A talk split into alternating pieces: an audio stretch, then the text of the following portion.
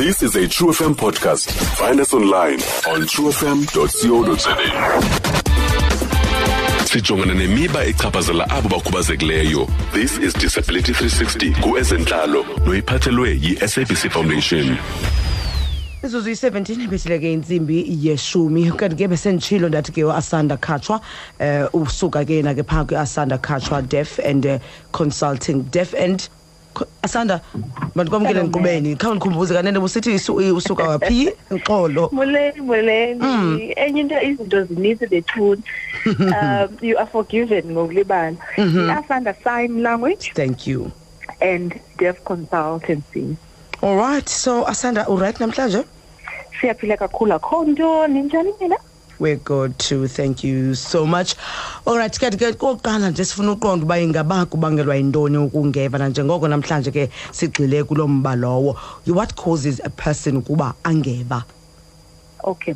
Eh enkosini um ndifuna ubulisa to everyone aba- babamele kwindawo kuzo zonke.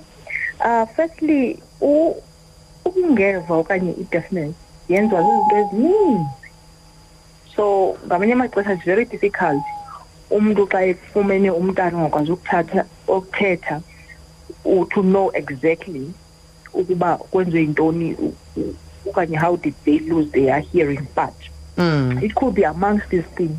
It could be ufuzo which is hereditary. Yes. Loo nto ithetha into yokuba i-deafness runs in the family Mm. ufuzo in the family. So it could be diseases or sicknesses ezifana nemam uh, rubella syphilis into ezifana ne-meningitis mm. into ezifana no-german measles um nazo can cause i-deafness mhlawumbi during i-pregnancy kamama ay- azifumane ezi diseases or sicknesses bese ndizimentionile okanye umntana xa ezalwa uh before mhlawumbi age one uh xa sisemncinci selusana Mm. acontract ezo diseases sometimes um you could find into yokubana imithi esiyisebenzisayo which is medicine that we use Mm.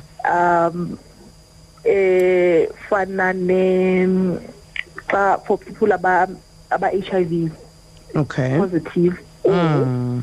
abane TB there are some medicines about abazisebenzisayo that can cause i-hearing loss mm-hmm. umuntu njengoba ethatha i-treatment nje ye-TB okanye i-HIV ethile um umbona uba i-affecta i-hearing yakhe so there's that Oh. aspect as well and then naturally ke iba zii-complications during i- i- i-pregnancy i-complications du- during i-pregnancy could be caused by izinto ezininzi it could be mhlawumbi umama went through i-domestic abuse Mm. Bethu khaya uh mane bethwa esiswini that can affect i-development yomntana. Mhlawumbi abethwa esiswini umntana abetheke apha entloko kucumzeke i-nerve. Okanye uba uwile or you had a car accident wabetheka while ukhulelwe. That Mm. can cause i-deafness. Abanye ke i-aging ukhula. As you grow up you lose your hearing. Okay. Abanye excessive in noise. Buhlala kwindawo ezi- ezikufutshane nee-airports or i-highways too much noise mm. accidents uh abantu ababuya kwimfazwe i-explosions zee-bombs can cause that Mm. uh ebantwini ebantwaneni it could be abantwana abathanda udlala abafaka izinto apha ezindlebeni laa nto Mm. ingagqabhuza i-stirrup apha apha endlebeni kukho into ekuthiwa si-stirrup uh igumbu okanye idrum Mm. Ingagqabhuza yona umntana a- ufumanise into uba akakwazi ukuthetha. Okanye uthi umntana during la process yokunto uba umithe okanye econceiva esenziwa apha esiswini yes. ufumanise into yokuba kukho njengoba apha endlebeni aba- endlebeni ngaphakathi kukho into ekuthiwa yi-cochlear. Mm -mm. ne ingathi sispring. Yeah. laa nto isa-spring and then ingathi bekho into engathi yi-tube. If that thing is not well developed ne? Mm. ah mhlawumbi ivalekile. Kufanele uba njengeyi-tube nje funeka uba ibe yi-tube umoya ukwazi ukungena uphume. Mm. from i-sound ngaphandle uye engqondweni. But if ivalekile is not well developed during icon- i- i- that ti- that time umntana esenzeka that causes deafness as well. So i guess ke ngotana singavumelana sitsho sithi oh one can be born esiva then avele mhlambi ekuhambeni kwethuba ayiluze i- i-hearing yakhe is that that's Yes. possible right yes of course uyakwazi uzalwa uthetha ulusana and then because of ezi diseases besizile- besizimentionile or or mums or syphilis Yeah. or meningitis Mm. or, or german measles um ukubona abanye abantwana bavuzelwe ziindlebe mm, mm, and then mm. kukhozeke i-damage Mm. apha ezindlebeni and then ke ngoku aye aye aye engeva. Yilaa nto sometimes abantwana especially ezilalini o- oomama bayakhuthaza into yoba mabahambe bayo bayohlapha. Yeah. Uh, eza naliti zomntana. Eza naliti is to prevent ezi diseases. Ukwenzela into yoba athi uba uyasuleleka ingenzi bungozi but ke abantu baye bangayikhathaleli laa nto. And ke kuba nintsi ke usulelane ebantwaneni umntana uyakwazi uzala kakuhle eh, thetha thestwe yonke into mhlawumbi uba ubenethamsanqa loo testo thestwe yonke into u-hundred percent but as time goes mhlawumbi achole idisease apha endleleni ekudlaleni okanye noba kuphi na okanye bathi bedlala abetheke ngentloko idlale awe and then ku- kudamejeke inerve apha entloko mm. So ziba ninzi izinto mm. so nina ke ngokunana apha ke e-sign language and deaf consultants nibancedisa kanjani abantu abangevayo thina what we do is um siyabancedisa ngokubaskilisha siyabafundisa izikills mm. we train them because if uyabona i-society zethu is not is not accommodated to abantu abangakwazi ukuthetha mm-hmm. akho mntu fu- for instance ufuna uqasha umntu ongakwazi ukuthetha because iyafilisha into yoba yu ndizawuthetha njani naye? Yes. Ndizamthini? Mm. forgetting into yokuba unayo ingqondo unazo izandla uyakwazi uzawukwazi ukwenza izinto can run errands can do things. Um so we, we give them skills ukwenzela into yoba bahambe bayosebenzela and they make incomes for themselves.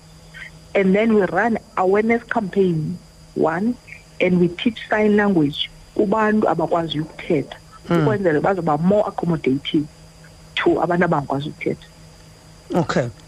S- asanda makhe sithethe ngala nga- nga- ngala ngala nto i- ithi deaf and dumb. Usually kusoloko kuthiwa umntu xa engeva akakwazi uthetha is, is it something that like sendiba ihamba kanjalo okanye can one be able not to hear um, um but akwazi uthetha yes. Umcimbi we-terminology is very very important yeah. Because abantu abangakwazi ukuthetha which is deaf Mm. bazizithulu abayamkeli into yokuba ba- kuthiwe ba-deaf and dumb. Mm. Because udam uthetha into yoba udom sisidenge kakhulu. Yeah. So ukungeva kwam akuthethi into yoba um ndidom andikwazi yes. ukucinga. Aha xa undibona into yoba andikwazi ukuthetha funeka undibone u- u- njengomntu osebenzisa ilanguage eyahlukileyo kuwe not osisibhenge mhm so baye bathi ndibize uba ndisisithulu okanye nditefu ungathi ndidam ungandidibanisi nodam mm. ungadibanisi nodam because njengoba wena ukwazi ukuthetha ukwazi ukuva awuthethi into uba ukleva na.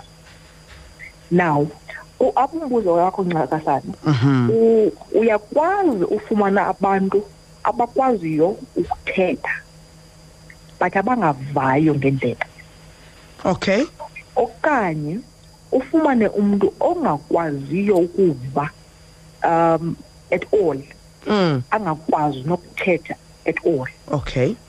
And then you'll find other people abakwaziyo u- u- ukwasebenzisa amanye amagama. Umbona uba uyakwazi uqaphula mm. Ayavakala amagama athile uyakwazi uqaphula and then you find abanye abangakwaziwa uwabiza amagama at all. Ngabo bathanda ukwenza ingxolo. Mm. Because they they don't make sense of words mm. at all. So you find the combination. And then you'll find another group onayo kuthiwa ngo-hard of hearing bona ban- bayakwazi ukuva kancinci.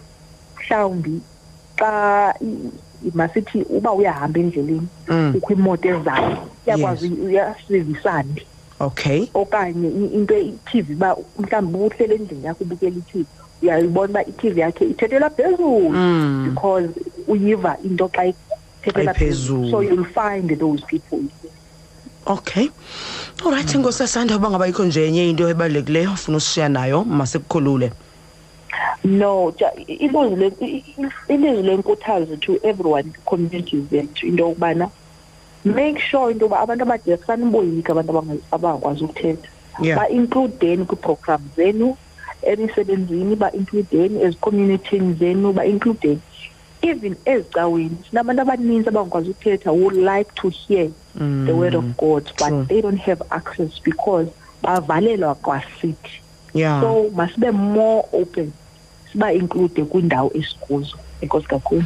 Mani baba ngazibini ndibulele kakhulu kuwe msikhatshwa ube nempilo eveke mnandi thank you very much. Stream True FM online on truefm.co.za. sikho yonke indawo ngalo lonke ixesha like no one else.